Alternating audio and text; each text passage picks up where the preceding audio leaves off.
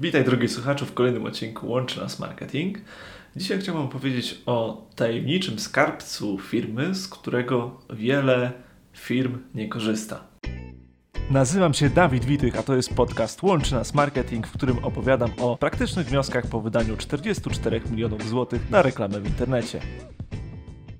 To są dane i statystyki, które są tak naprawdę taką niespisaną strategią marketingową firmy. Żadne warsztaty i ćwiczenia, tworzenie grup docelowych moim zdaniem nie dają lepszych rekomendacji do tego, na jakich grupach klienckich, na jakich działaniach marketingowych powinniśmy się skupić, jak twarde dane. Tutaj może podam taki konkretny przykład. Mieliśmy klienta, który od przeszło parunastu lat korzystał z reklamy w Google. Była bardzo duża historia tego konta reklamowego. My przez parę lat z tej jego historii prowadziliśmy te działania. No i klient stwierdził, że on jednak będzie to robił sam. Spróbował prowadzić działania reklamowe po swojemu. No, jak to się można było domyśleć, bardzo szybko okazało się, że spadły mu wyniki i gdzieś tam e, poszukał innej agencji, no bo jakby ego nie pozwoliło wrócić z podkulonym ogonem, żeby przyznać się do błędu. I co zrobiła ta nowa agencja reklamy internetowej? Otóż postawiła to konto reklamowe od nowa, nie patrząc na dane, statystyki i historię tego konta reklamowego. Tam konkretnie na przykład nie sprawdzał się remarketing, po prostu nie przynosił historycznie żadnych efektów mimo różnych pomysłów. No i jakby co zrobiła agencja, zaczęła wspierać remarketing. Były różne wykluczenia słów kluczowych, które po prostu nie przynosiły zapytań.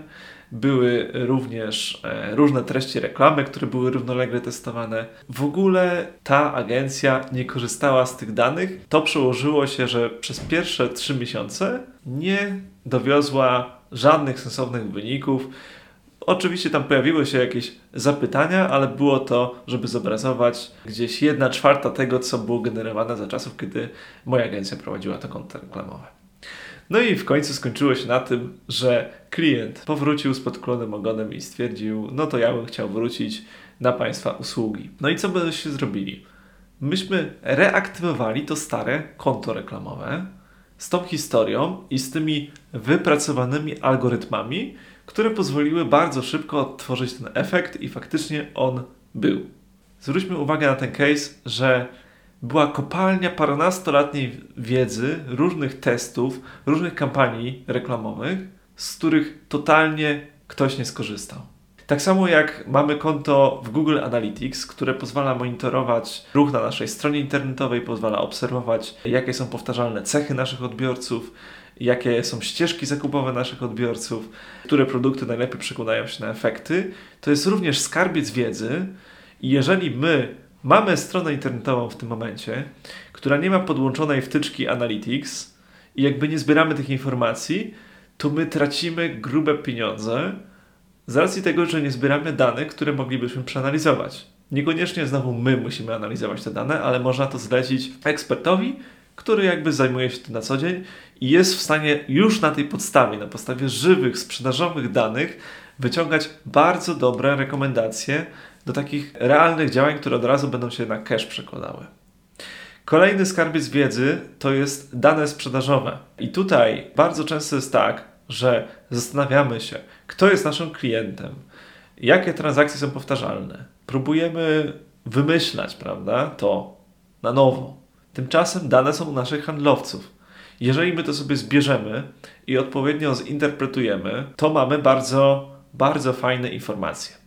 Wchodząc już jakby w szczegóły, jest coś takiego jak kaloryczność naszych potencjalnych klientów, tak zwanych leadów, czyli analizujemy sobie, jak te kontakty, które na przykład wypełniły formularze na naszej stronie internetowej, czy dodzwoniły się do nas bezpośrednio z kampanii reklamowych na Facebooku, Google czy z innych źródeł, przekładają się na jakość zamówień.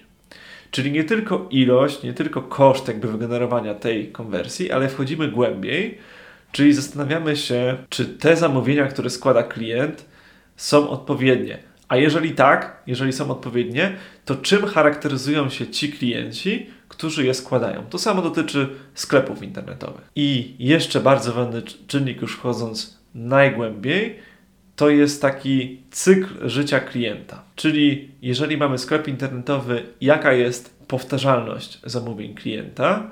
Czy ten klient kupuje u nas co miesiąc, raz na kwartał, a może na przykład nasz produkt, towar wymaga raz na rok pewnego uzupełnienia do sprzedaży?